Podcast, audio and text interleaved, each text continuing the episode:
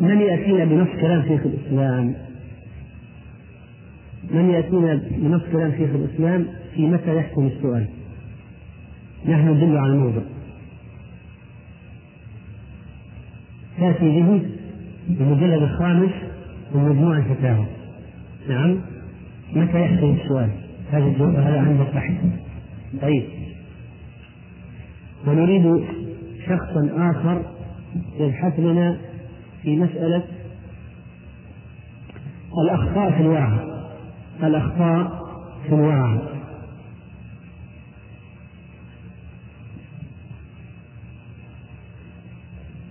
الأخطاء في الورع. من يبحث لنا؟ نعطيه الموضع في كلام شيخ الإسلام. طيب. إذا لنا المجلد العاشر من مجموع الفتاوى تكلم فيه عن أخطاء في الورع. وواحد آخر يبحث لنا أنت يا عبد الله. يبحث لنا في المجلد عشرين في الأخطاء الورع استعينوا مجلد عشرين من مجموع الفتاوى طيب. ذكره نعم. الأغلاط الورع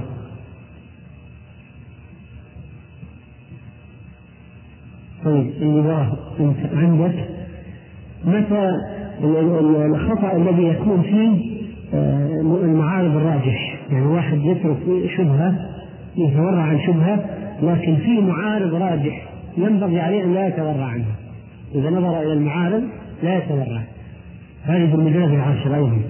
مسألة أنت عندك مسألة معارض الراجح. و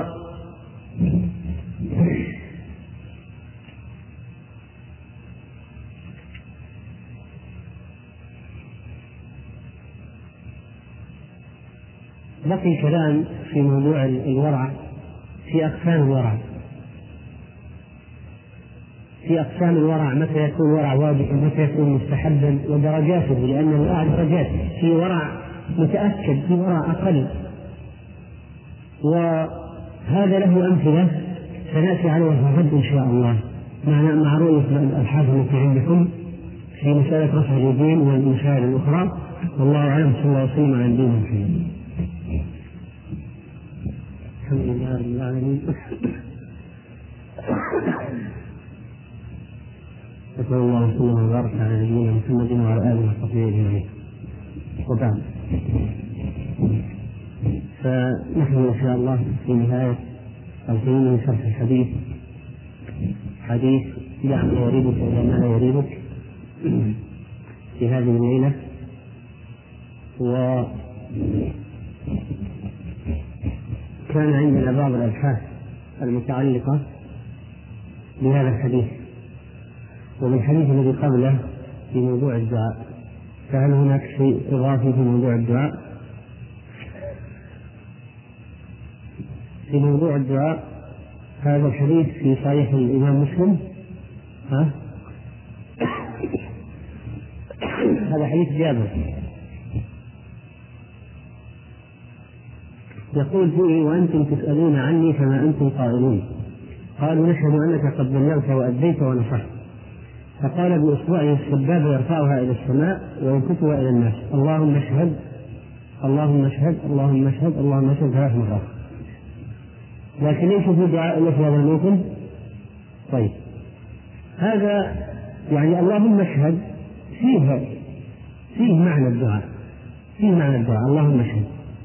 لكن أيضا كان آه، يشهد عليهم الله عز وجل أنه بلغهم.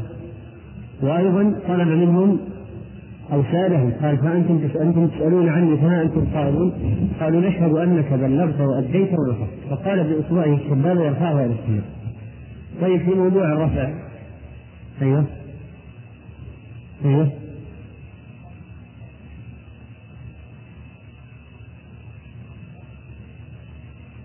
يبالغ في المد ولا في الرفع؟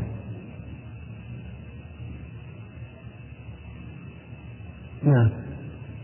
باطن تخيل الوجه.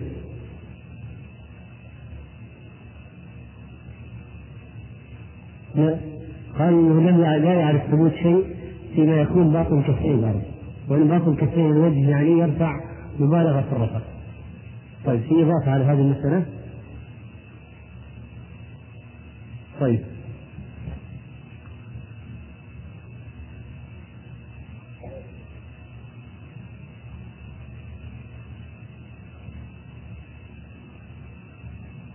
هذا حديث حديث سقط الخطام. فسقط الخطام. هذا قال أخرجه قال حافظ حجر أخرجه النسائي بسند جيد. هذا من هذا التخريب؟ الباري نعم. وقال إنه يدعو بيد كان يدعو بيد واليد الاخرى أيوة. فمالت ناقته فأخذ الحصان وبقيت اليد الاخرى مرفوعة. نعم.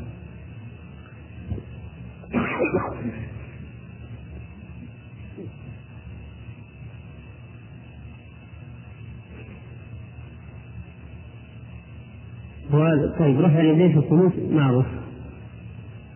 ورفع اليدين للدعاء المشركين من بدر أيضا ثابت. رفع اليدين للدعاء بعد رمي الجمرة الأولى والثانية فيما رواه البخاري. ورفع يدين الدعاء بالاستغفار لما استشهد لما استشهد لما استشهد ابو نعم أبو عامر رضي الله عنه. لما جاء الخبر النبي موسى الأشعري لما جاء له خبر أن عمه قد وقتل لما ضربه المشرك بسهم على في ركبته فنجا حتى مات فدعا له صلى الله عليه وسلم. توضأ ودعا له كما جاء في الصحيح. توضأ ودعا له. طيب. قال هنا هذا النقل من موضوع الاستغفار بالسبابة قال أحد أحد. طيب وهذا أدب الاستغفار وهو الإشارة بالسبابة سب النفس نفس الأمارة بالشيطان أما صفتها فهي كما تفعل في التشهد بأن تقبض الوسطى والإبهام وتحركها كلما دعوت. هذا معون معبود نعم. طيب. هذا ما يتعلق موضوع الدعاء ما تبقى من الدعاء. أما يتعلق بالأشياء الواردة في الورع والأبحاث التي طلبناها في موضوع الورع. في موضوع المعارض الراجح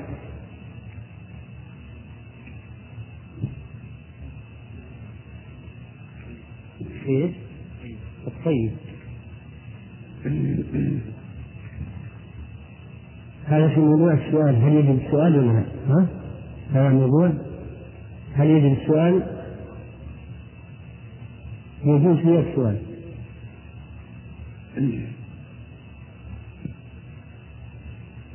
وهذا في المواقف في الخطأ في الورع وهذا في مسألة المعاون الراجح وهذا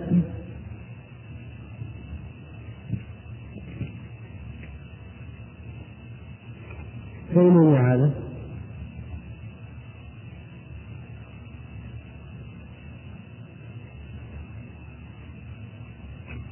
كيف؟ إيش الموضوع؟ إيش كان البحث اللي عليه؟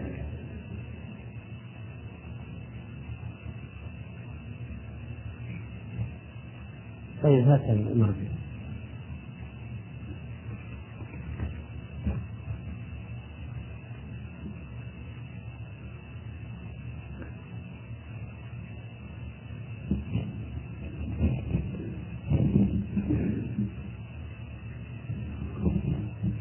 أما بالنسبة للأخطاء التي في الورع التي تقع في الورع طبعا ذكر في الكتاب رحمه الله كما ذكرنا تعريف الورع وهو اتقاء ما يكون ما قد يكون أو ما يخاف أن يكون سببا للذم والعذاب.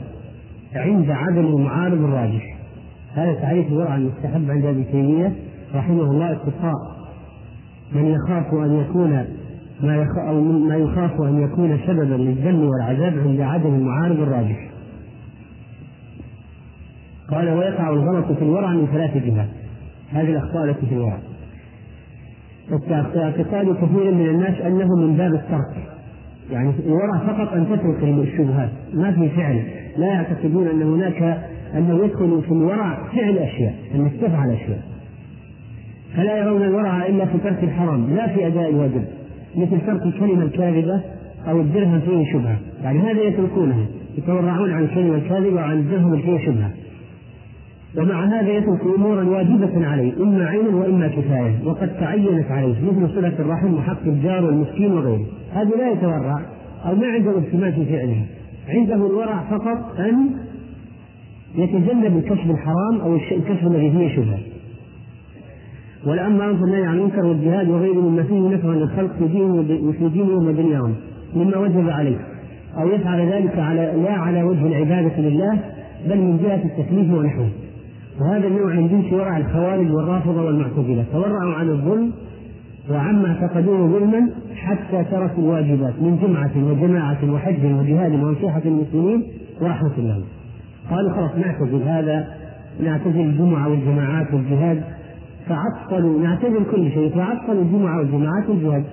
وهذا طبعا لهم مثيل في العصر الحاضر في بعض فرق التكفير الموجودة الآن في العصر هذا فإنهم يقولون مجتمع كافر. إذا كل واحد كافر إذا لا تجوز الصلاة وراء ولا وراء أي إمام من الأئمة. لأن لأن الذي يرضى يرضى بحكم الطاغوت فهو كافر. والبلد موجود فيها حكم بغير ما أنزل الله. إذا الناس الذين الناس راضين بهذا إذا هم كفار. إذا لا تجوز معاملتهم ولا الزواج منهم ولا الصلاة وراءهم في المساجد. فأبطلوا الجمعة والجماعات وكل شيء. اعتزلوا. الجهة الثانية من الأشياء التي يمكن أن يكون فيها الخطأ يحدث بورع الجهة الأولى ما هي؟ التورع في الترك مع الغفلة عما يجب عليه أن يفعله. مثل الجهاد والأمر والنهي المنكر حق الجار صلة الرحم بر الوالدين وهكذا. الجهة الثانية فعل الواجب والمشتبه وترك المحرم والمشتبه فينبغي أن يكون اعتقاد الوجوب والتحريم بأدلة الكتاب والسنة وبالعلم لا بالهوى. فكثير من الناس تنشر نفسه عن أشياء بحكم العادة. فماذا يعتقد؟ يعتقد تحريمها واشتباهها عنده مع أن المسألة ما ليست عن دليل وإنما نفسه تنفر منها فقال هذه شبهة أو هذه حرام. بغير دليل. ويكون بعض من أوهام وظنون كاذبة فتكون تلك الظنون بناها مبناها على الورع الفاسد. ويكون صاحبه ممن قال الله تعالى فيه يتبعون إلا الظن وما تهوى الأنفس وهذه حال أهل الوسوسه في النجاسات فإنهم من أهل الورع الفاسد المركب من نوع دين وضعف عقل وعلم عنده جانب ديني وعنده جانب ضعف عقل وضعف علم يكتب عليها إنه يتورع عن أشياء لم يرد في السنة التورع عنها. مثل مثلا قال واحد إن الذباب يأتي على الثوب. والذباب أكيد أنه قد وقف أو وقع على نجاسات. إذا تعلق بأرجل الذباب نجاسات. إذا لما وقف على الثوب وضع عليه مقدارا من النجاسة ولو كان لا يرى. إذا أي ثوب وقع عليه ذباب لابد أن أغسله أو أستبدله. هذا إيش؟ ورع فاسد ما هكذا فعل رسول الله صلى الله عليه وسلم ولا أصحابه؟ وقف الذباب على ثيابهم ما قال تركوها. هذا ورع فاسد. وكذلك ورع من يعدون غالب أموال الناس محرمة فيستحلونها. وقد قال صلى الله عليه وسلم في أشباههم هلك المتنطعون. وورع أهل البدع كثير منه في هذا الباب. وكذلك ورع أهل الكتاب والكفار عما حرموه. ولم يحرمه الله تعالى كالبحيرة والسائبه والوصيله والحامل. الكفار الجاهلية كانوا يتورعون عنها. مع أن الله عز وجل ما حرمها. ما جعل الله من بحيرة ولا سائبة ولا وصية ولا حق. وقد قال رسول الله صلى الله عليه وسلم في من تنزه عن أشياء رخص فيها ما بال رجال يتنزهون عن أشياء ترخص فيها. والله إني لأرجو أن أكون أعلمهم بالله وأخشاهم. فإذا الواحد يتورع عن شيء ما تورع عنه رسول الله صلى الله عليه وسلم فورعه فاسد الجهة الثالثة من الأخطاء في الورع ترك الشيء لوجه فساده الذي يلحظه المتورع دون أن يلحظ ما يعارضه من الصلاح الراجح وبالعكس. وهذا ما سيأتي الكلام عليه.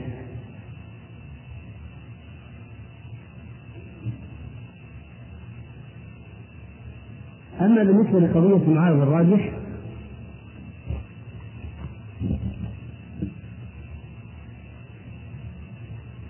قال قال شيخ الإسلام تيمية رحمه الله بعد أن قسم الورع إلى قسمين ورع مشروع وورع غير مشروع قال تمام الورع أن يعم الإنسان خير الخيرين أو شر الشرين الله يعلم.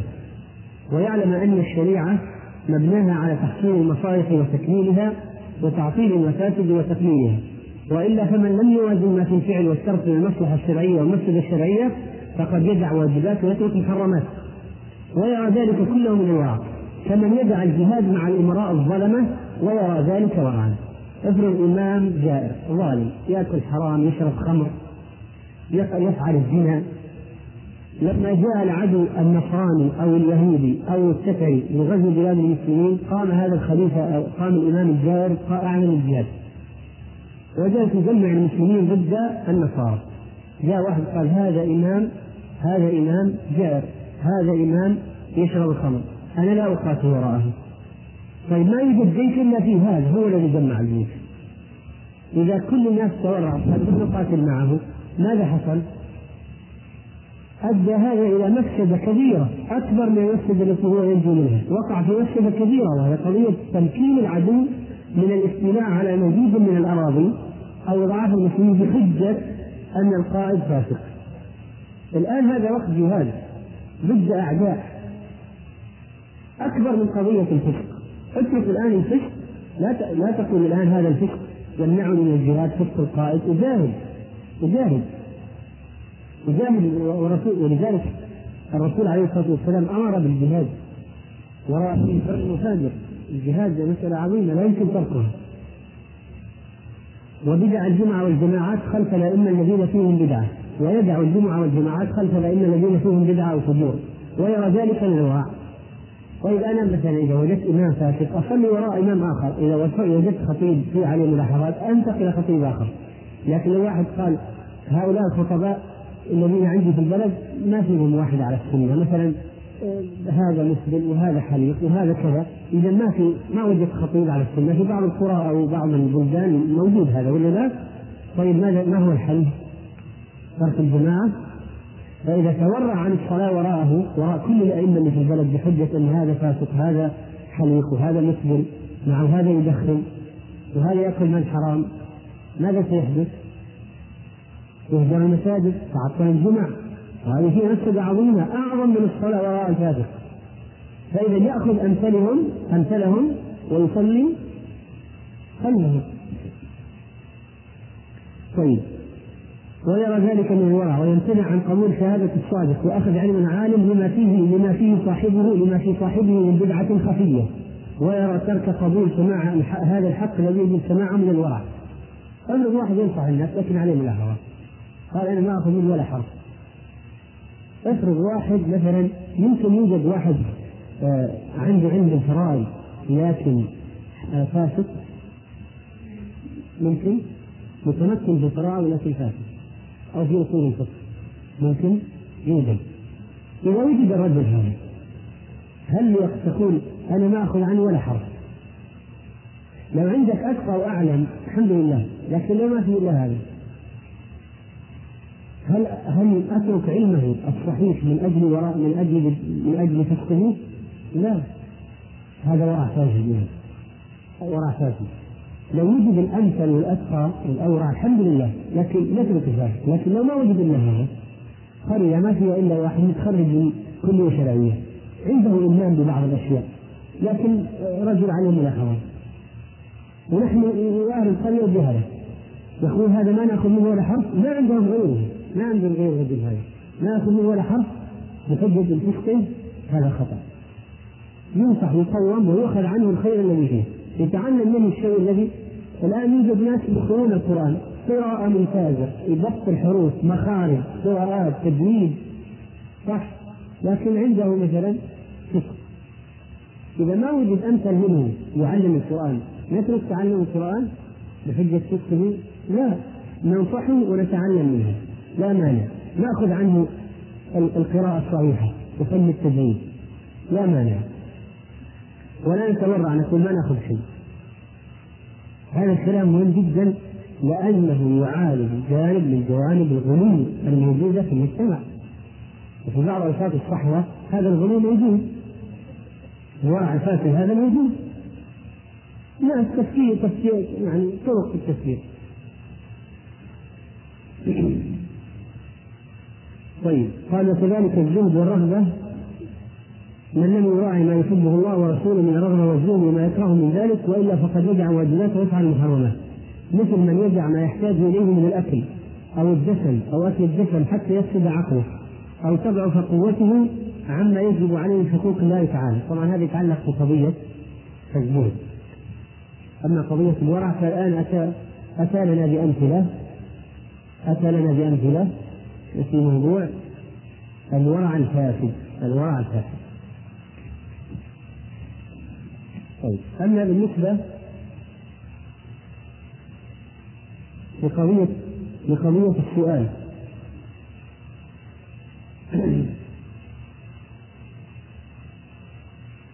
يقول وما نعتقده أن إذا رأينا من من, ظاهره دليل لا نتهمه في مسجده وماله وطعامه.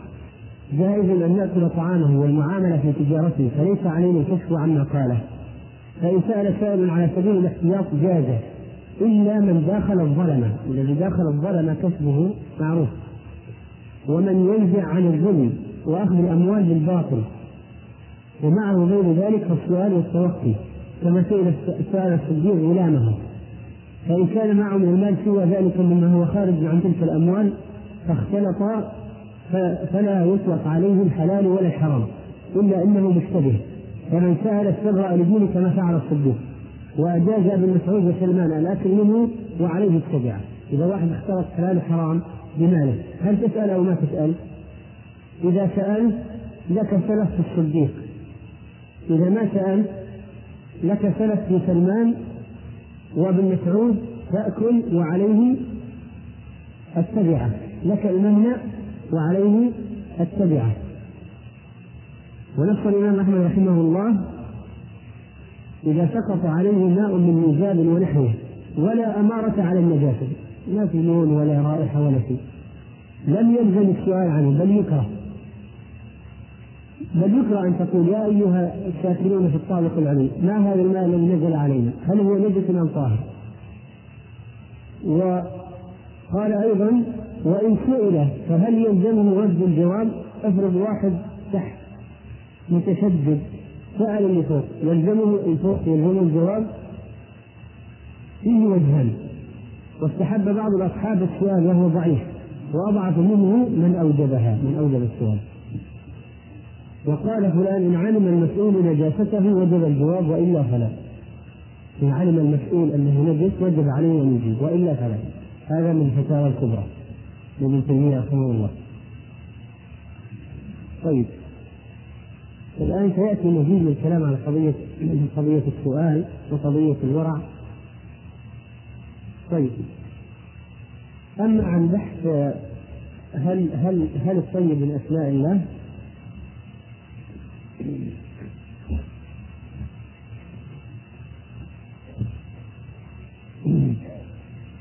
أخرج الإمام مسلم رحمه الله في صحيحه قال قال رسول الله صلى الله عليه وسلم يا أيها الناس إن الله طيب لا يقبل إلا طيبا وأخرج الترمذي في سننه عن سعد عن النبي صلى الله عليه وسلم إن الله طيب يحب الطيب نظيف يحب النظافة.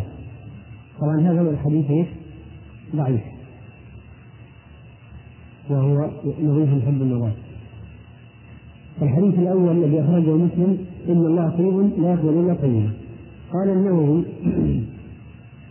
قال القاضي الطيب صفة لله تعالى بمعنى المنزه عن النقائص وهو بمعنى القدوس. وأصل الطيب أو أصل الطيب الزكاة والطهارة والسلامة من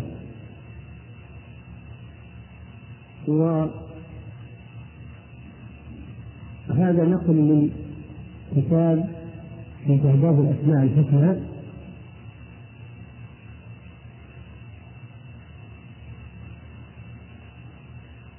مما قرئ على الشيخ عبد العزيز بن باز المستعان والمسعر والطيب والوسط وذكر الشيخ محمد صالح العثيمين ضمن الأسماء الثمانية عشر التي جمعها من السنة النبوية الجنون والجواد والحكم والحيي والرب والرفيق والصبوح والسيد والشافي والطيب والقابض والباسط والمقدم والمؤخر والمحسن والمعطي والمنان والرزق بقواعد القواعد المثلى في صفات الله وأسماء الحسنى. طيب. أما بالنسبة لمزيد من الكلام فيما يتعلق بالورع وترك الشبهات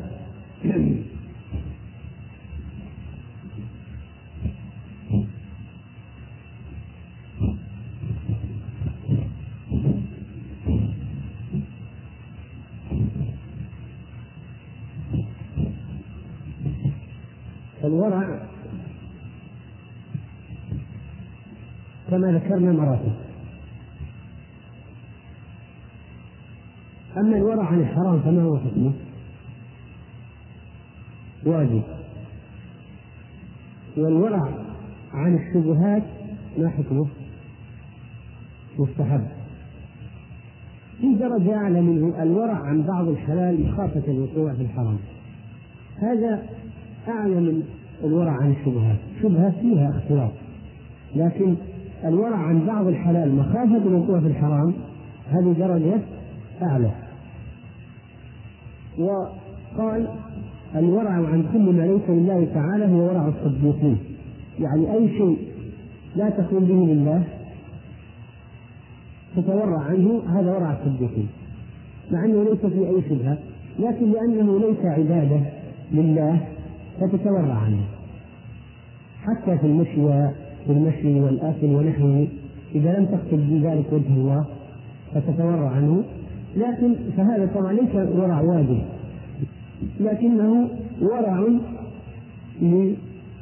للصديقين. ولا شك أن الورع درجات ومراتب وكلما كان الإنسان أكثر ورعا كان أسرع جوازا على الصراط وأخف ظهرا.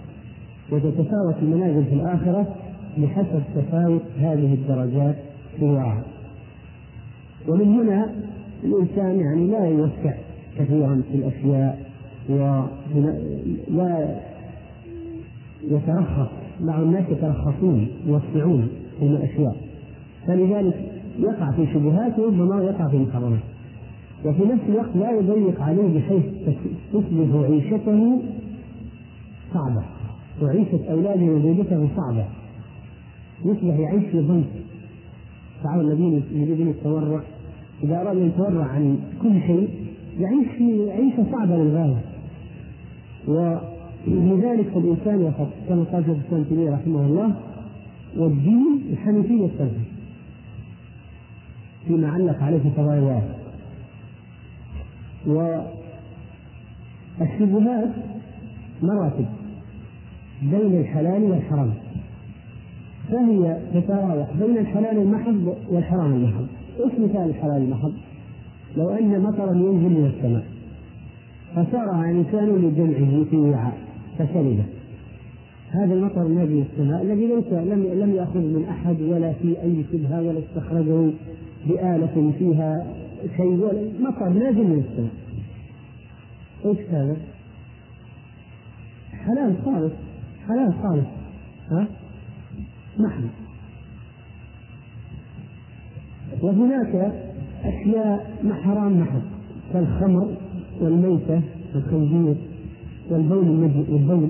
هذه حرام محض وبين الطرفان الظاهران مراتب. تقترب من الحلال المحض وتقترب من الحرام.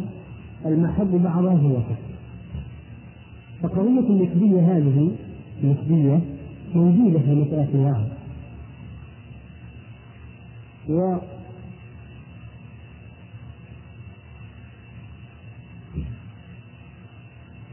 لو واحد هناك من الورع الذي هو آه، قريب من الحلال محض جدا حتى أنه يكاد يكون حلال محض. مثلا لو أن انسانا صاد ظبيا فما حكم صيد البر صيد الظبي حلال هل يحتمل أن يكون هذا الظبي قد صاده صياد آخر ثم هرب منه؟ في احتمال هل نبني عليه؟ لا. ما في قرائن. ما في أي قرينة ليس تبني عليه. احتمال صح واحد في المليون يحتمل واحد في مئة ألف. لكن هذا هذا تقريبا حلال محض تقريبا حلال محض ورود الاحتمال هذا لا يغير المسألة ولا يجعل يجعلنا نقول لا تورع عن هذا. لأن في الحالة هذه ما راح تصيب ولا شيء. لأن كل حيوان تصيبه محتمل أن يكون هرب من صياد آخر. طيب. وهذا يسمى ورع المسلمين.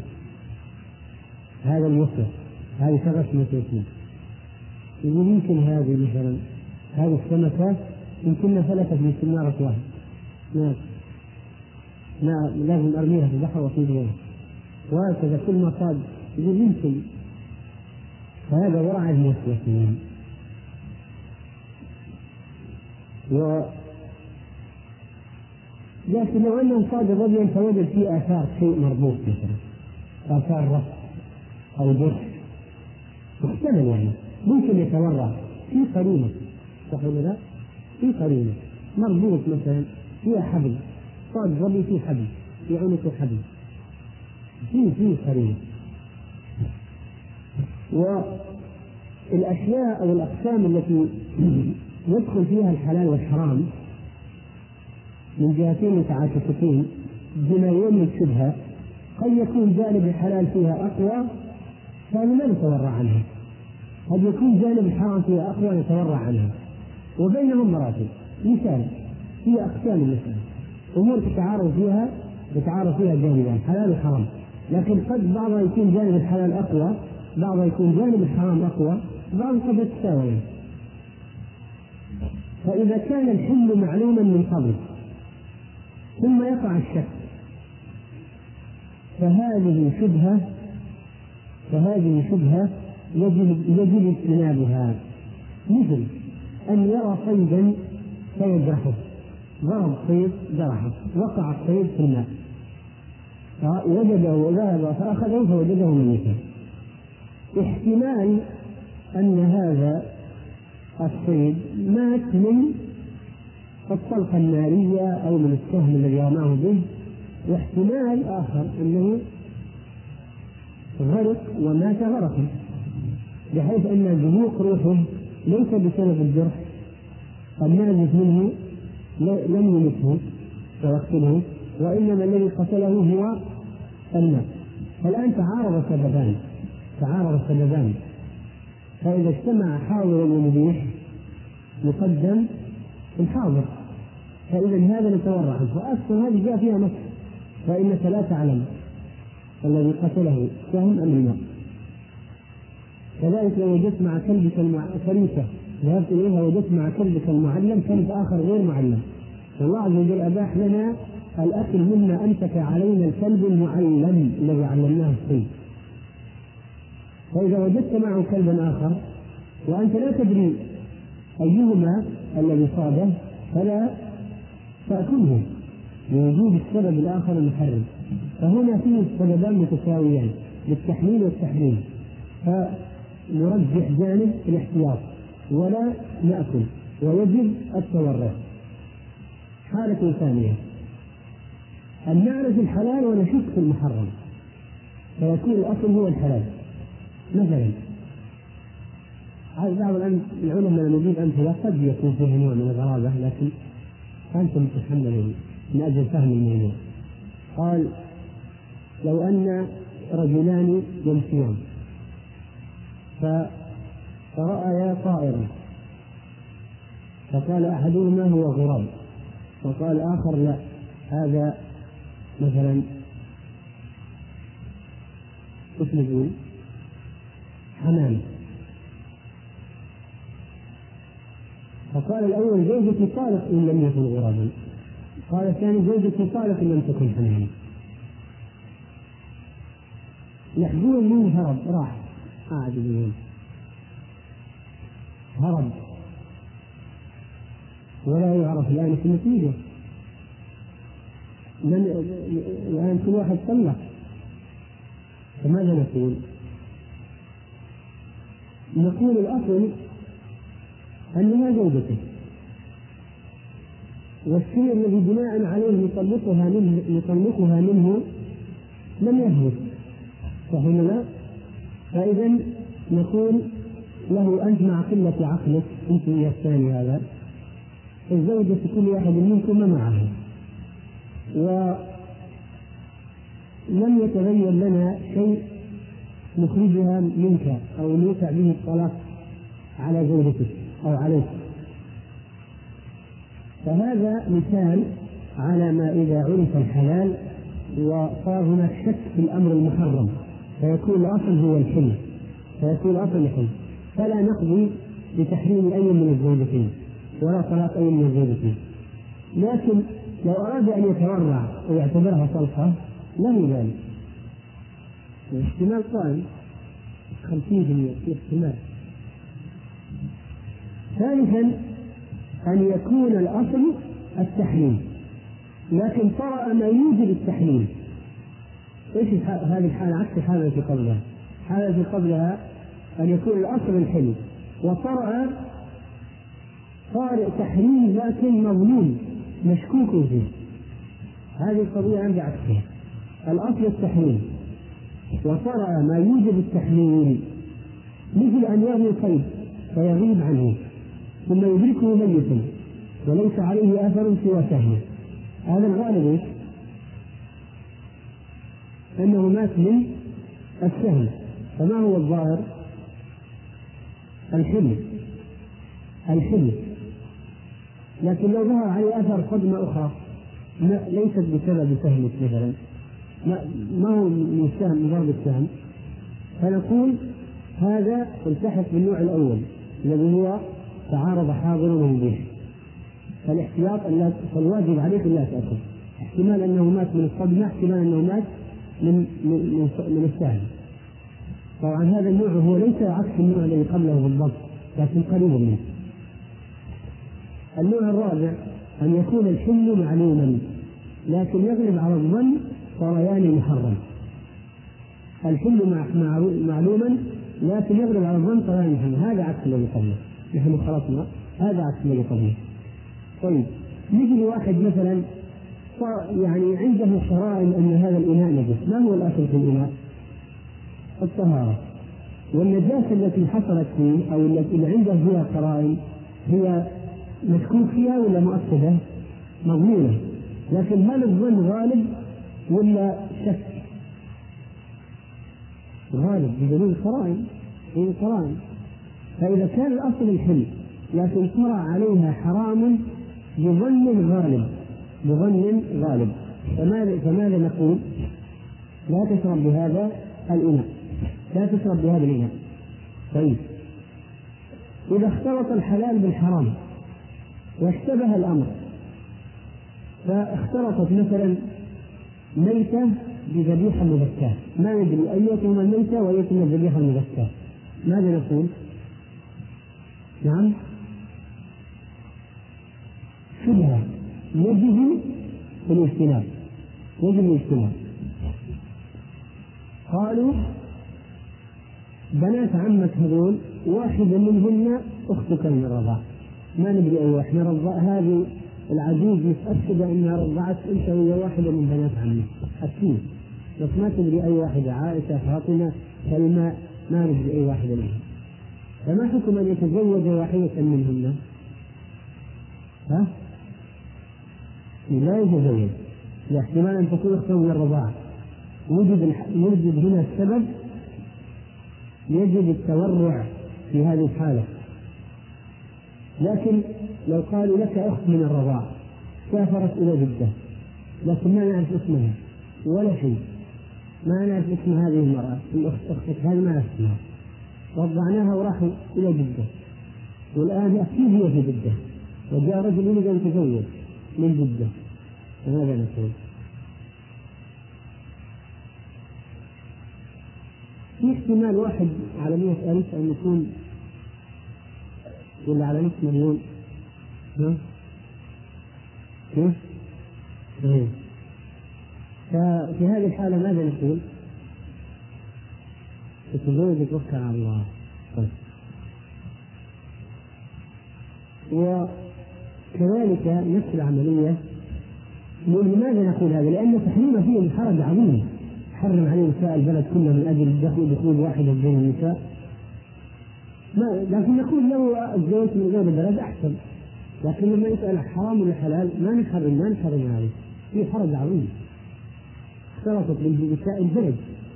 صارت ضايعة في أعداد كبيرة جدا من الناس. وكذلك من علم أن مال الدنيا خالطه حرام قطعا. قال الأموال في الدنيا أكيد هذه دخل فيها ربا واكيد دخل فيها اثمان خمور واكيد دخل فيها اثمان مخدرات واكيد هذه الاموال اللي في الدنيا مختلف فيها حرام.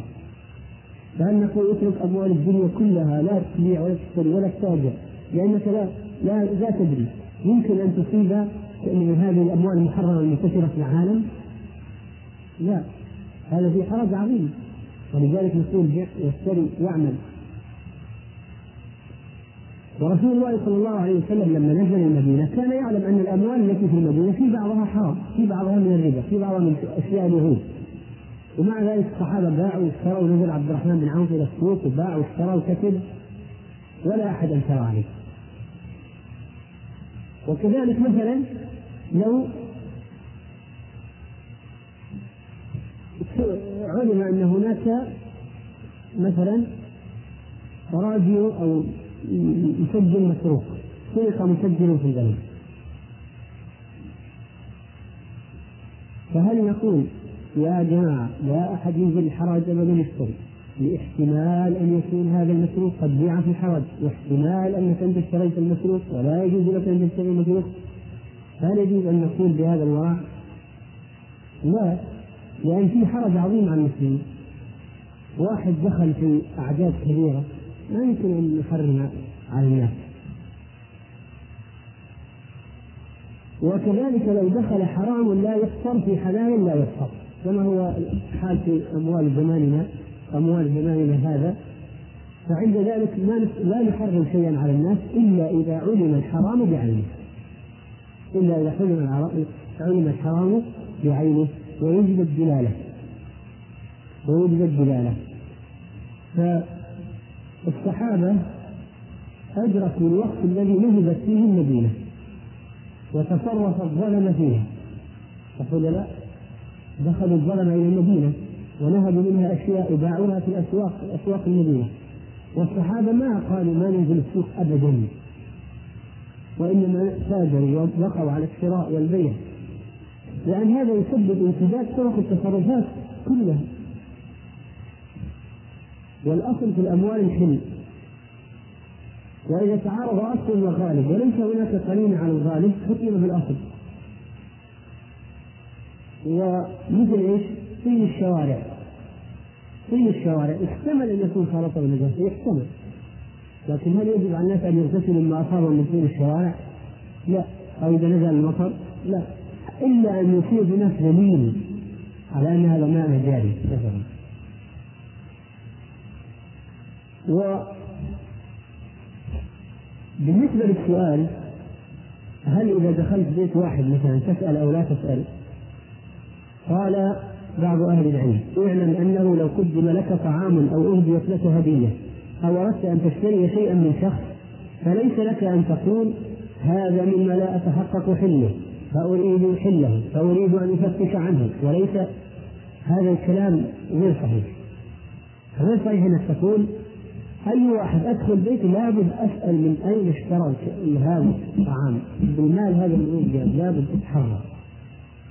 هذه بدعة ورع فاسد طيب الذي يقول بترك السؤال الكلية يقول لا تسأل أبدا أيضا خطأ. إلى طرف القصد الأمور جميعا أيضا خطأ. لماذا؟ إلا إذا كان هناك قرينة. هم يعني بعض أهل العلم يضربون مثال يقولون مثل إذا واحد دفع إليك طعاما أو أدعاك إلى طعام وهو بزي الأجناد. كان عندهم الأجناد من أول يعني فيهم ظلمة يغصبون أموال الناس يأخذون أموال الناس. يقول إذا واحد دعاك بزي الجن فهنا تتوقع وتتحرك وتفتش لأن هذا الزي الذي عليه هو قرينة على أنه علامة على الغاصبين والسارقين والناهبين ونحو ذلك. لأن هؤلاء الطائفة من الناس كانوا فيما مضى كثير منهم يركبون يستخدمون قوتهم وسلطتهم سلطتهم في غصب الأموال من الناس. مثل إيش؟ بعض الآن البلدان يقف عند الحدود بعض العساكر ويقول ماذا جيت تدخل الحدود؟ يقول يلا كم جايب لنا معك هدية مثلا؟ إيش جايب لنا معك هدايا؟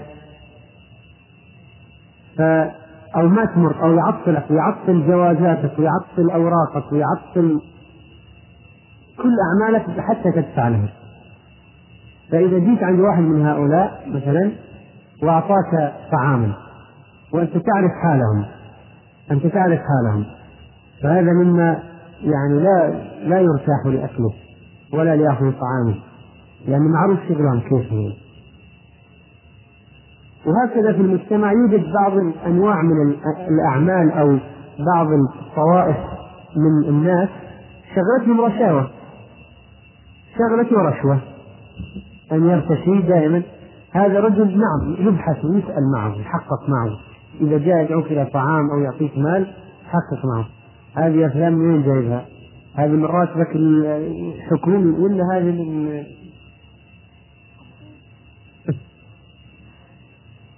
من الإضافي نعم.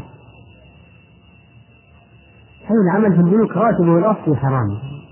هذا منتهي خصوصا لكن إحنا نتكلم على واحد يؤدي عمل مثلا يأخذ عليه راتب لكن يطلع اضافي من الناس من المسلمين. هذا هذا إذا رأيت زيه وعرفت هيئته وعرفت أنه من هؤلاء الجماعة فلا شك أن القرائن قد قامت عندك على أن عنده حرام في مكاتبه. فهنا ينبغي السؤال والحيطه يعني قد يكون أخذه هذا غصب واضح غصب غصب. ولا يسمح له المرور بعد أن يدفع المقسوم ولو كانت كل الأوراق جاهزة وكل الشروط مستوفاة وكل الأقسام موجودة كل الأنظمة أنت مطبق ما تمشي عليه لكن هنا يأخذ رشوة مثلا ضرائب أو يأخذ هو يعني أتاوات أتاوات مثل بعض البلدان في مناطق فيها ميليشيات. ما تمر الا بأساوة ولا ممكن يقتلك يعني بسهولة ادفع رغما عنك. فهذا إذا وجدت الذي عنده هذا الزي زي الميليشيات هؤلاء قطاعين الطرق ما يمكن الإنسان أنه يعني يأخذ آه، ويقول لا أسأل السؤال هنا غير وارد و لا نقول لابد هنا أن قامت القرائن. أما لو كان وجدت عليه صلاح أهل العلم أو ثياب أهل العلم ونحو ذلك فهنا لا يجوز السؤال لأن فيه إيذاء للمسلم وهتك ستره وكأنك تتهم عندما تقول من أين أتيت به هذا اتهام. فلا يجوز إيذاء المسلم في مثل هذا. وضرب مثلا مثال قال وإذا كان على هيئته من أهل البوادي المعروفين بالظلم. يعني يظهر أن هناك بعض المحلات في البادية معروفين بالظلم أو أنهم قطاع طرق مثلا. هؤلاء ما يؤخذ منهم ويتوقع توقع أموالهم ويسأل. له أن يسأل. وكذلك لو أنه علم أنه طرح في السوق بضائع مسروقة. طرحت في السوق بضائع مسروقة. ما حكم البيع والشراء والتجارة في السوق؟ جائزة. إلا إذا صار عندك قرينة على السلعة المعينة هذه أنها من السلع المسروقة. فعند ذلك لا تتعامل لا تتعامل بها. طيب. إذا كان دعاة تاجر عنده أموال الحرام وأموال, الحلال. فإذا غلب على ماله الحلال تجيب الدعوة. أما إذا كان الحرام أكثر فإنك لا تجيب. وإذا تساوي فالورع أنك لا تجيب أصلا. في جميع الحالات يعني الورع لا تجيب لكن يشتد الورع كلما زاد مقدار الحرام حتى يصل إلى الوجود. حتى يصل إلى الوجود. فإذا طيب نعود بالنسبة للسؤال. السؤال إذا وجدت الريبة إذا ما وجدت الريبة ما يجوز تسأل لأن فيه إيذاء للمسلم. من أين أتيت بالأكل؟ من أين أتيت بمالك؟ ما هو مصدرك؟ ما هو دخلك؟ هذا فيه إيذاء للمسلم. فذلك لا يجوز. لكن إذا وجدت القرائن في شكل الشخص أو الشيء المقدم هنا تسأل. هنا تسأل. نعم.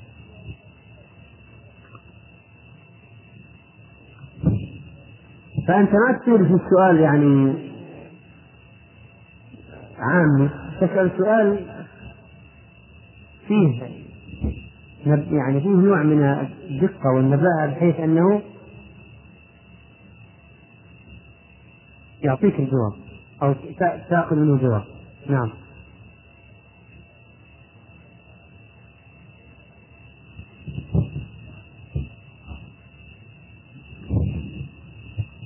لا الإنطاء ما تجيب إذا كان ماله كله ربا ما تجيب الإنطاء مال حرام. اشتراه بحرام وأهله وأولاده الأصل ما يأخذون منه إلا إذا احتاجوا. النفقة الواجبة ما يتوسعون من الحرام. نعم. نفس الجواب. نحن نتكلم عن النفقة الواجبة نقول الزوجة الأولاد. ما يأخذون من المرابي إلا النفقة الواجبة إذا ما استطاعوا أن يستبدلوها بشيء آخر. ولا لو عند المرأة موظفة زوجها مرابي وهي موظفة أو أولاده مثلا عندهم مكافآت من الجامعة مثلا ما يأخذون من أبيه. الذي غلب الحرام على ماله أو كل ماله حرام. نعم. ذكرنا قلنا إذا غلب الحلال تأخذ إذا غلب الحرام لا تأخذ. الشبهة شبهة المستحب أنك تتوقع. طيب. ذكر ابن رجب رحمه الله في شرح الحديث قال في قضية دع ما يريبك إلى ما لا يريبك أدخل فيها قضية الأحاديث الصحيحة والضعيفة والموضوعة. رحمه الله قال قال كلاما قال ومن هنا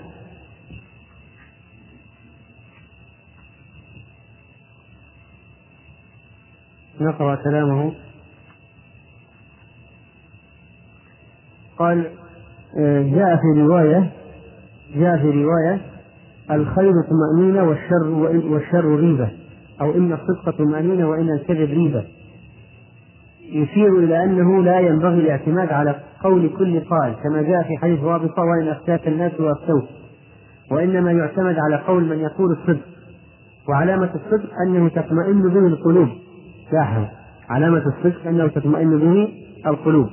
وعلامة الكذب أنه تحصل به الريبة. فلا تدخل القلوب إليه بل تنفر منه. يعني أحيانا واحد يعطيك فتوى لكن قلبك ما يطمئن لها. كذا في النفس يعني سبحان الله يأتي فيه اختلاف أو اضطراب. فهذا هذا القلب دليل. استفتي قلبك. يعني بعض الناس قد يستفتي إنسان جاهل أو يستفتي إنسان يعطيه معلومات مثلا خاطئة. أو يحدث بعض المعلومات. في هذه الحالة لا ينجو لا نقول خلاص مهم أن الفتوى طلعت من واحد أنت بريء بريء ذمتك لا. ولذلك الصدق دليله طمأنينة النفس والكذب والخطأ في الحكم يدل عليه أحيانا اضطراب نفس الشخص. لا ترتاح بهذا الكلام. لذلك بعض الناس فعلا يقول يا أخي بعض الناس أو إمام مسجد لكن أنا نفسي ما هي مطمئنه بالفتوى هذه فأريد أن أتأكد. فهذا أيضا داخل في دع ما يريبك إلى ما لا يريبك أدخله.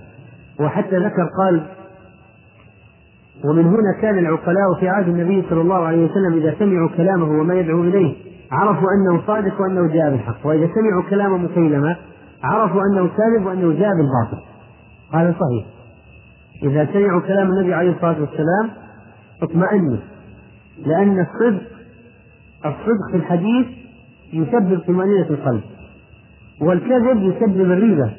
ولذلك وإذا سمع قال وإذا سمعوا كلام مسيلمة عرفوا أنه كاذب وأنه جاء بالباطل قال وقد روي أن عمرو بن العاص سمعه قبل إسلامه يدعي أنه أنزل عليه يا وبر يا وبر لك أذنان وصدر وإنك لتعلم يا عمرو.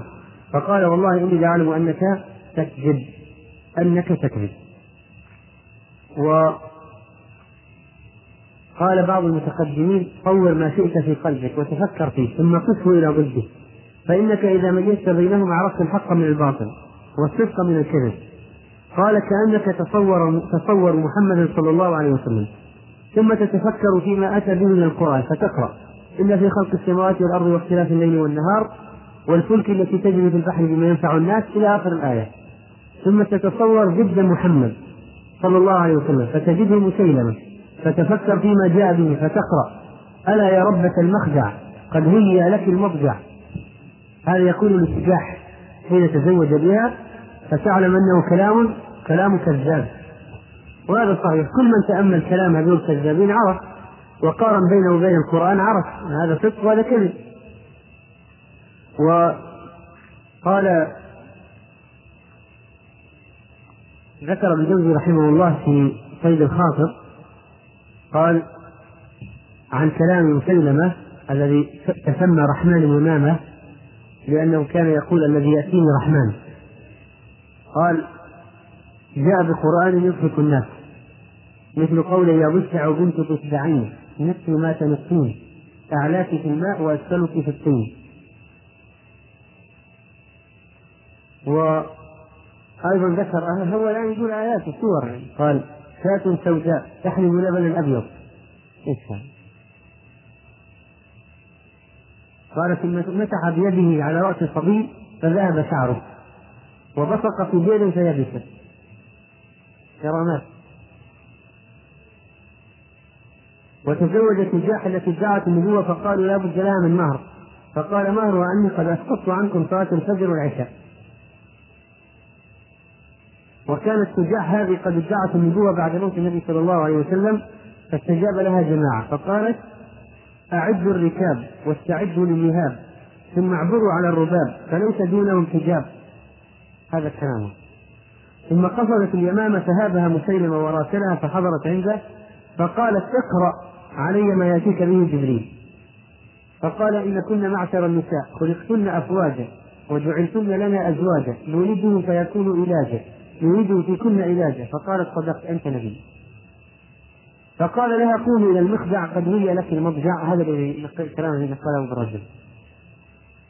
إلى آخر الكلام يعني السافل الذي يستحي الإنسان أن يسيله فاتضحت عند العقلاء من أصحابها فقال منهم عصار بن الرحاد أضحت نبيتنا أنثى يطاف بها وأصبحت أنبياء الناس ذكرانا. فلعنة الله رب الناس كلهم وعلى سجاح ومن بالإفك أغوانا. أعني مسيلمة الكذاب لا تقيت أصداؤه من رؤية حيثما كان. ثم إنها أسلمت وأما هو مسيلمة بقي عليها حتى حتى قتل. طيب. وجاء أيضا من القرآن بعض الكذابين والحمام واليمام والصرد الصوام لا يبلغن ملكنا العراق والشام. لا يبلغن ملكنا العراق والشام. فهذا إذا تأمل فيه الإنسان عرف إيه؟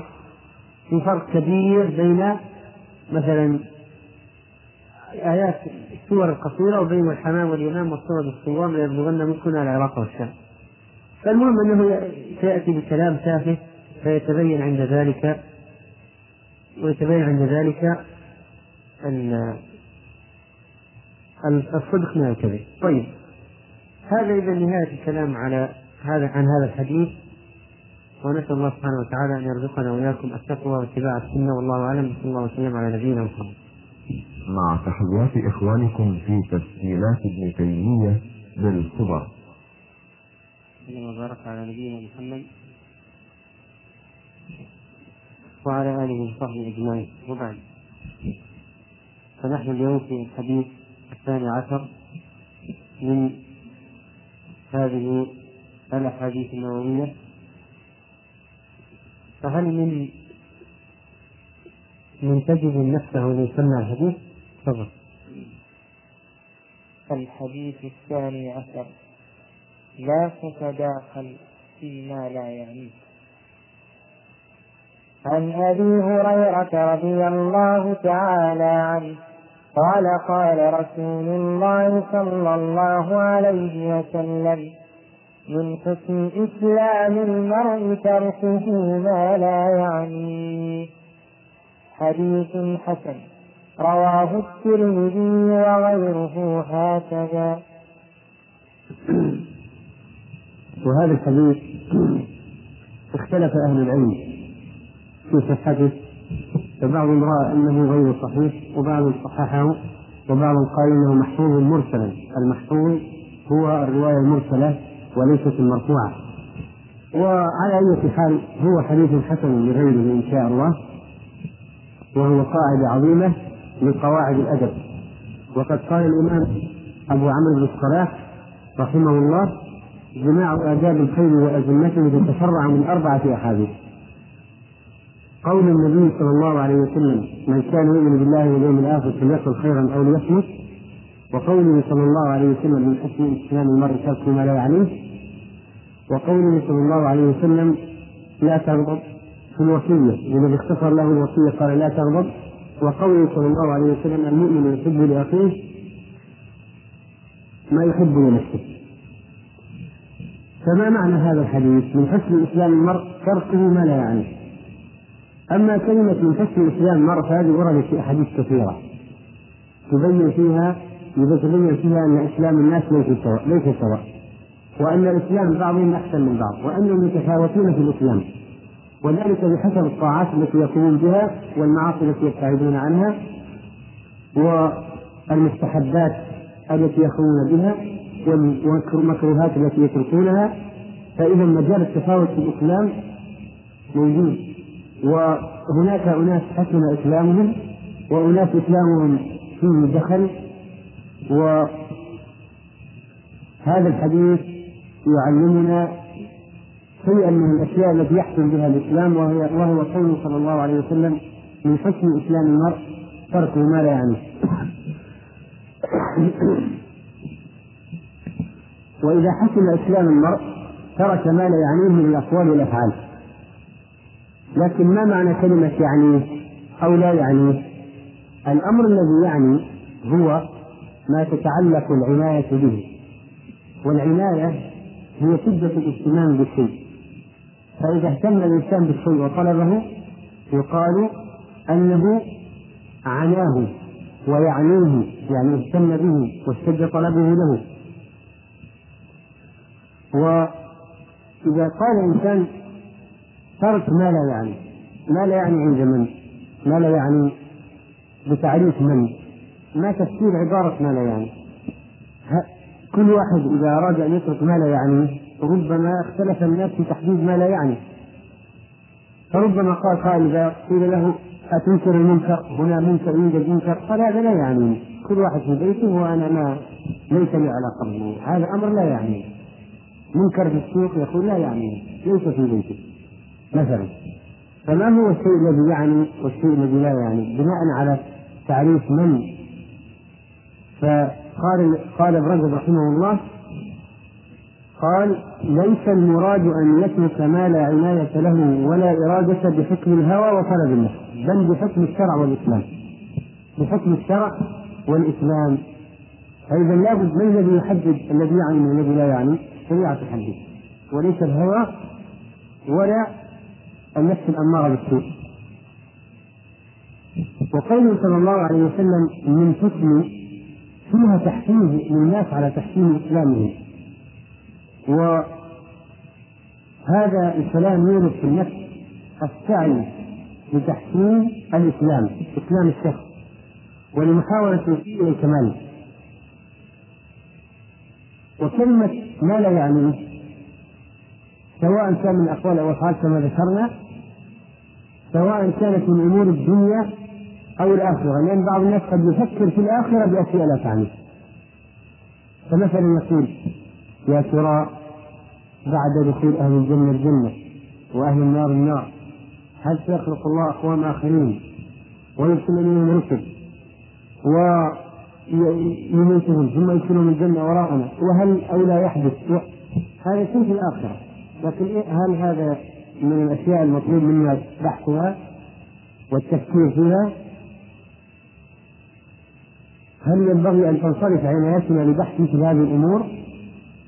هذا شيء من أصول الآخرة لا علاقة لنا به ولا يعنينا. نحن يعنينا ما يحدث لنا أما ما يحدث بعدنا من الأشياء فنحن لسنا مكلفين به ولا يحسن لنا أن نبحث فيه أصلا. والشيطان قد يأتي الإنسان بأشياء كثيرة من القضايا الفكرية هذه التي يكون فيها أعمال النظر والفكر فيقول له ابحث فيها وفكر فيها وما هو الجواب؟ حرك ذهنك وهكذا وهي في الحقيقة مما لا يعني وأما في قضايا الدنيا فلها انعكاس على الآخرة لا شك لكنها موجودة في الدنيا. وهذا يكون في شؤون النفس أو شؤون الآخرين مما لا يعني فإذا تحديد ما يعني مما لا يعني هذا أمر مرد إلى الشرع. و الاشتغال بما يعني الإنسان يتولد من مراقبة الله سبحانه وتعالى. والاشتغال بما لا يعنيه يتولد من الابتعاد عن الله عز وجل وعدم الاستحياء منه. فإن الإنسان لو كان يستحي من الله حق الحياء ما اشتغل بشيء لا يعني. لكن لأنه يعزب عنه أن الله يراه وينظر إليه فهو يدخل في أشياء مما لا يعنيه ولذلك قال بعض السلف رحمه الله استحي من الله على قدر قربه منك وخف الله على قدر قدرته عليك وقال بعضهم إذا تكلمت فاذكر سمع الله لك وإذا سكت فاذكر نظره إليك. لأن في بعض المواطن لا يجوز فيها السكوت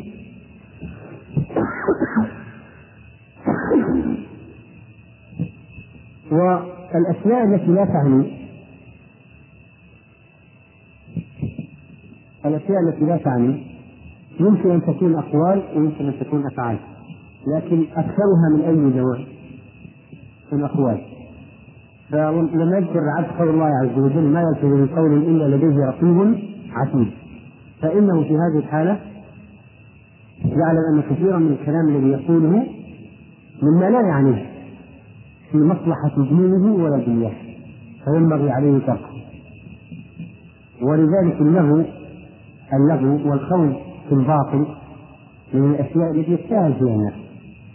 وقد جاء هذا منصوصا عليه في حديث حسن لغيره إن من حسن إسلام المرء قلة الكلام فيما لا يعنيه قلة الكلام فيما لا يعنيه وقال عمر بن عبد العزيز رحمه الله من عد كلامه من عمله قل كلامه إلا فيما يعنيه من عد كلامه من عمله.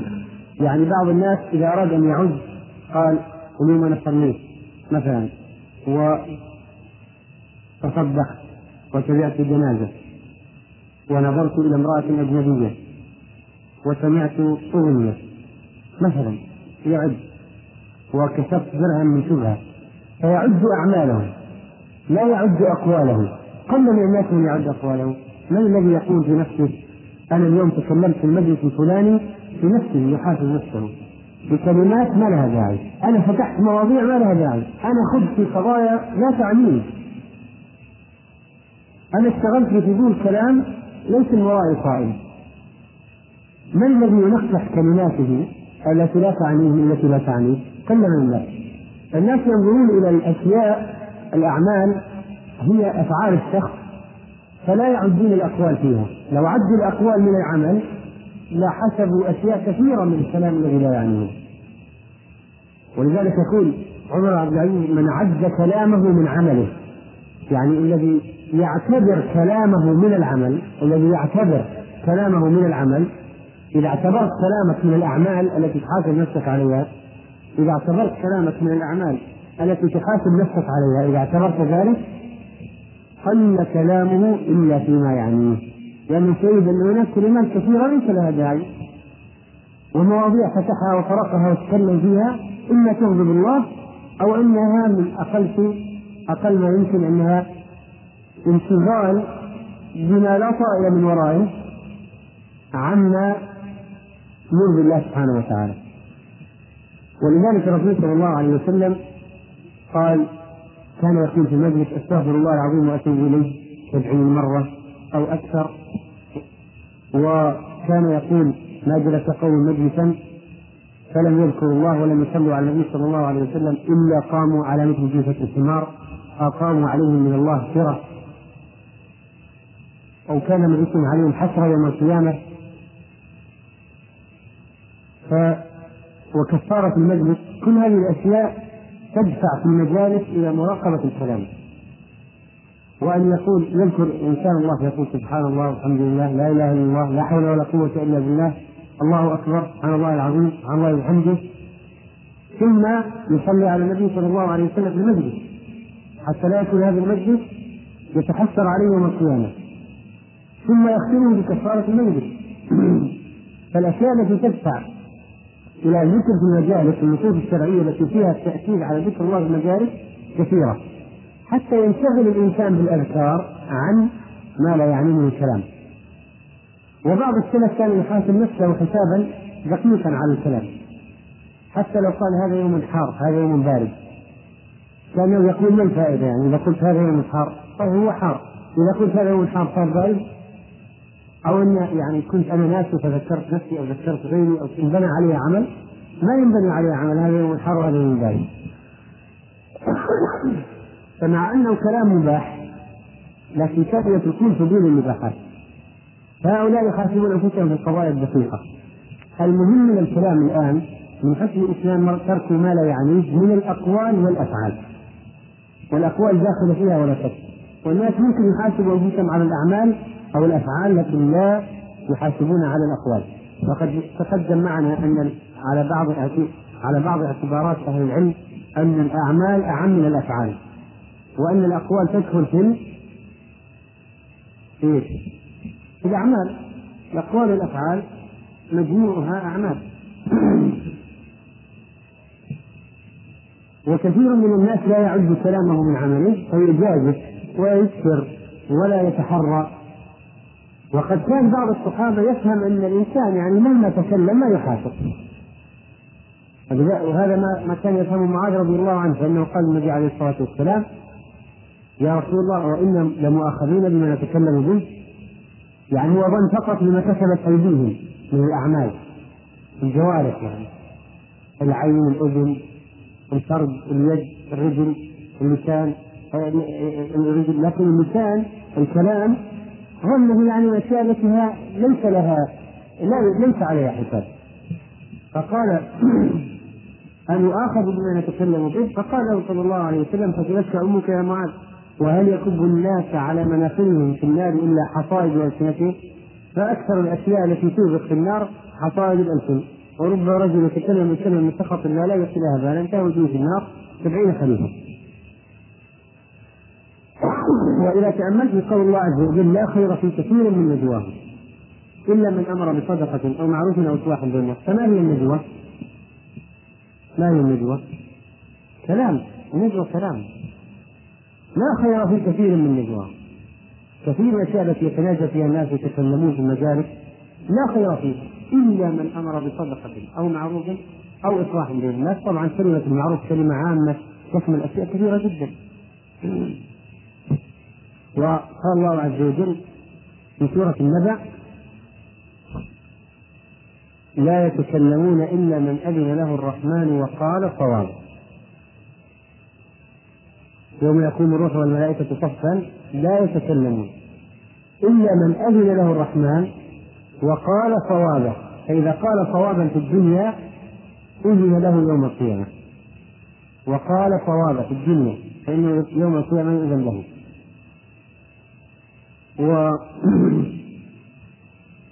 وأكثر ما أتي الناس في كلام فيما لا يعنيهم أتوا من جهة اللسان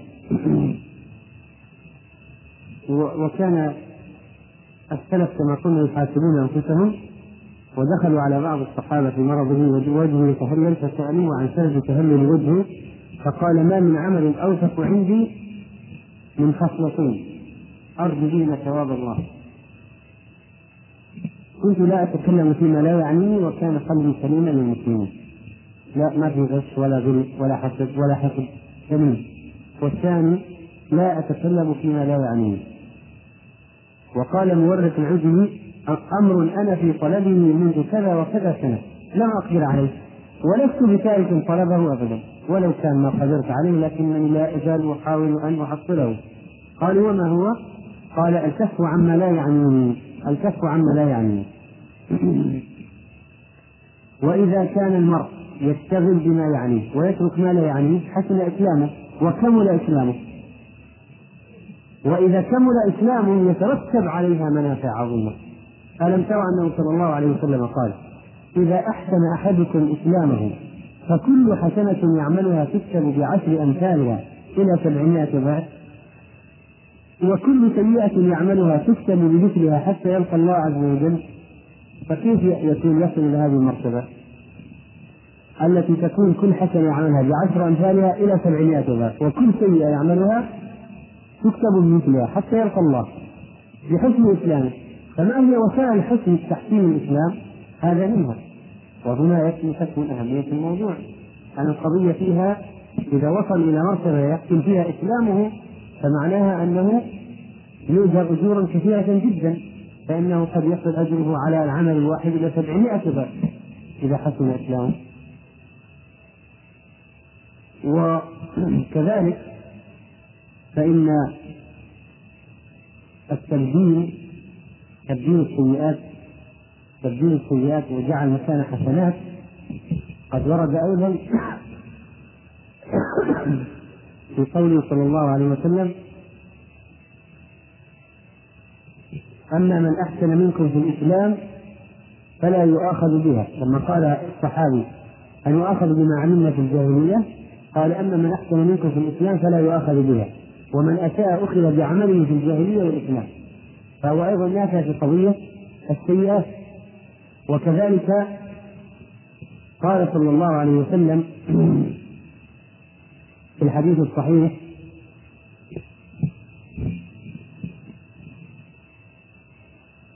لما جاءه الرجل قال أرأيت أرأيت رجلا؟ صحابي جاء يسأل الرسول صلى الله عليه وسلم أرأيت رجلا عمل الذنوب كلها ولم يترك حاجة ولا جادة؟ فهل له من توبة؟ قال أسلمت؟ قال نعم. قال فافعل الخيرات. واترك السيئات فيجعلها الله لك خيرات كلهن. قال وما وفجرات؟ قال نعم. قال فما زال يكبر حتى توارى. الرجل هذا ما زال يكبر إعجابا بهذا الكلام حتى توارى. فبما أنه ثبت أن العبد إذا أسلم وحسن إسلامه يغفر له كل سيئة كان جلفها ويجعل مكان حسنة. وتكون الحسنة بعشر أمثالها إلى 700 ضعف كل هذا بحسن الإسلام فينبغي على البحث عن الأشياء التي تسبب حسن الإسلام وتؤدي إلى حسن الإسلام. فإذا إذا أسلم وحسن إسلامه تبدلت سيئاته التي كانت في الشرك حسنات التي كانت في الشرك حسنات وكذلك فإنه يؤجر على حسناته بأضعاف مضاعفة وبعضهم قال إذا كان المشرك لو أسلم بدلت سيئاته فالمسلم إذا حسن إسلامه أيضا فهو أولى بهذه الخصلة فهو أولى بهذه الخصلة و لو جينا نستعرض بعض الأشياء التي فيها فعل ما لا يعني مما يقع فيه الناس اليوم من الأشياء التي لا تعنيهم لوجدنا نماذج وأشياء كثيرة جدا. فنحن سنذكر أشياء ثم نطلب منكم أنتم اكمال الباقي. بالأمثلة. لأن هذا الموضوع يحتاج إلى تفسير هذه قاعدة. من حسب الإنسان المرء ترك ما لا يعني، لكن ما هي الانطباقات في الواقع؟ ما هي الأشياء التي يفعلها الناس مما لا يعنيه؟ لأن الناس يقتصر فهمهم الحديث أحيانا على أنك لا تتدخل في الأشياء التي يعني لا تجد أنفك فيما لا يعني. بس هذا اللي يفهمون من الحديث. يقولون مثلا أنت ما تدخل بين مثلا رجل وزوجته ما تدخل في شؤون ما تتدخل في شؤون جيرانك؟ بس. ما تتدخل في قضايا البيت قضايا داخلية لبيت الناس شيء ما لا يعنيك لا تتدخل فيه. فتلقى ما لا يرضيك لكن هذا هو الفيلم الشامل الحديث. الفيلم أشمل من ذلك. فمثلا أنواع اللهو التي تصد عن ذكر الله يخشى أن يدخل فيما لا يعني. لأن لا تعنيك لا تنفع في الدنيا ولا في الآخرة. لو قلنا هي رياضة تقوي البدن قلنا أنها تنفع في الدنيا. لكن في بعض الوسائل من اللهو واللعب لا تنفع لا تنفع لا في الدنيا ولا في الآخرة. فإذا ترك هذه الوسائل وسائل اللهو مما مما يحصل به الإسلام. وكذلك كثير من الألعاب الطائلة التي تنفق عليها الاموال المبالغ هذه التي ينشغل بها الناس لا تعنيهم قطع ولا تفيدهم. ما تفيدهم بل تضرهم. وكذلك مثلا بعض الناس يسافرون سياحة. السياحة هذه ما هي فائدتها؟ إلا صرف الأموال والتعرض للأذى. لكن بعض الناس مغرمين بالسياحة والسفريات ليس سفر مرض ولا علاج ولا دعوة ولا تجارة ولا طلب علم وإن ولا صلة رحم ولا أقارب وإنما سياحة. نروح نتفرج نتفرج على الدنيا. فهذا من أشياء إذا كان ما في من ورائها قصد صحيح فهي انشغال بما لا يعني بعض الناس الذين يمارسون هوايات مثل جمع الطوابع مثلا. إيش فائدة جمع الطوابع؟ يعني ليس له فائدة واضحة. أو مثلا إنسان مثلا عنده هواية جمع الصحة والنفحات الكمية النادرة. يقتنيها ويجعلها في بيته هذه ما لا لا تعني. وكثير من هذه اللوحات فيها محرمات. كثير من التحف عبارة عن تماثيل يجب قطع رأسها أطول بعض الإخوان يقولون في بعض الكليات يدرس مثلا علم الآثار. يقول نذهب إلى أماكن حفريات يأخذون إلى أماكن حفريات فننبش في الأماكن. فيصرخ المشرف والمدرس سياح فرح ما ما إيش؟ قال تعالوا تعالوا هذا التراب وهذا كله الصنم الصغير هذا أثار رومانية وهذه فرحان فيها الآن يعني هذا يعتبر ويعتبر الآن شيء عظيم قد حصل عليه. وفي الحقيقة أن هذا التمثال ينبغي أول شيء إعدامه إطلاقا وكسر رأسه. لكن يأخذونه وينظفونه ويرممونه ويجعلونه في المتحف. وبعض هذه التحف تشترى بالآلاف والملايين ويجعلونه أشياء تناضل عليها الدول لتحصيلها من المستعمرين يقول أخذ المومياءات الاستعمار أخذ المومياءات عساه أن يخلق هذه لكن يقول لا لابد أن يقترب بالآثار هذه لا تقدر بثمن. أصنام بعضها أصنام. ومع ذلك يصير كلام وجدال و كذلك بعض الناس ممكن يكون عنده هواية التصوير. فما يعني هواية التصوير هذه ما ما, ما الذي تفيده؟ إلا أن يقول هذه الصورة فازت المسابقة وهذه الصورة فيها توزيع الضوء ممتاز وهذه الصورة فيها زاوية ممتازة وهذه الصورة لقطة نادرة وهذه هذا الكلام من الأشياء التي لا تعني. كذلك جمع العملات. لو قيل والله إنسان يدخر الزواج لكن كان يدخر عملة بلده مثلا أو عملة صعبة. لكنه يبحث عن عملات نادرة ويبحث عن عملات من شهر تاريخ. تقول لا عملات يعني أو عملات من أماكن أخرى من دول أخرى من العالم. ما هي الفائدة في جمع العملات؟ لكن المجلات حملت الناس على أن يهتموا بهذه الأشياء وأظهرت على أنها أهداف يسعى إليها. وكثير من الأشياء الموجودة في كتاب جنوس هذا للأرقام القياسية كثير منها مما لا يعني يقول هذا حطم رقم العالم في أكل البيض وهذا حطم رقم العالم في أقبح وجه يمثله. يعني يحرق شفتيه وعينيه وأنفه ويجعد وجهه ويخرج لسانه ويأتي بشكل قبيح. وهذا حطم الرقم ولا أتى بمسابقة أقبح وجه ومسابقة أطول كذا وأقصر كذا وأنحف كذا وهذه أشياء كلها داخلة في الحديث. من حيث الإنسان ترك ما لا يعني. لكن هذه آثار الحضارة الغربية كما يقولون جاءت بهذه الأشياء المنحرفة. ولا فإنهم يقضون أوقاتهم في كثير من الأشياء التي لا تعنيهم. كثير جدا لو دققت في حياة الغربيين والشرقيين لوجدت فيها أشياء كثيرة مضيعة أوقات وروايات تافهة أحيانا. جمع كذا النادر جمع. ما فيها ما ليس وراها إلا إضاعة الأوقات والأموال. وبعض الناس عندهم مثلا هواية القراءة يقرأ أي شيء مفيد نافع ضار. يقرأ المهم من يقرأ. فلا شك أن قراءة ما لا يفيد ما لا يفيد. في الدنيا ولا في الآخرة لا شك أنه ينبغي تركه. في حق الإنسان مرء ترك ما لا يعنيه. وكذلك الاشتغال بعلم الكلام والفلسفة. بعلم الكلام والفلسفة. الفلسفة التي أولها فلك وآخرها سفه فهذا علم المنطق والكلام والفلسفة مما أضاع أناس به أعمارهم فندموا ندموا ندما شديدا. نهاية إحزام العقول عقال وغاية سعي العالمين ضلال وأرواحنا في وحشة من جسومنا وغاية دنيانا أذى ووبال. ولم نستفد من بحثنا طول عمرنا سوى أن جمعنا فيه قيل وقال. وهؤلاء الذين كانوا يسمون بالفلاسفة المشائين والفلاسفة الرواقيين ويزعمون أن عندهم حكمة وأن طريقتهم أن يسيروا يمشوا ويتكلموا وهم يمشون فالذين هؤلاء الذين أوجدوا قواعد المنطق وعلم الكلام مما أغنتنا عنه الآيات والأحاديث ولله الحمد.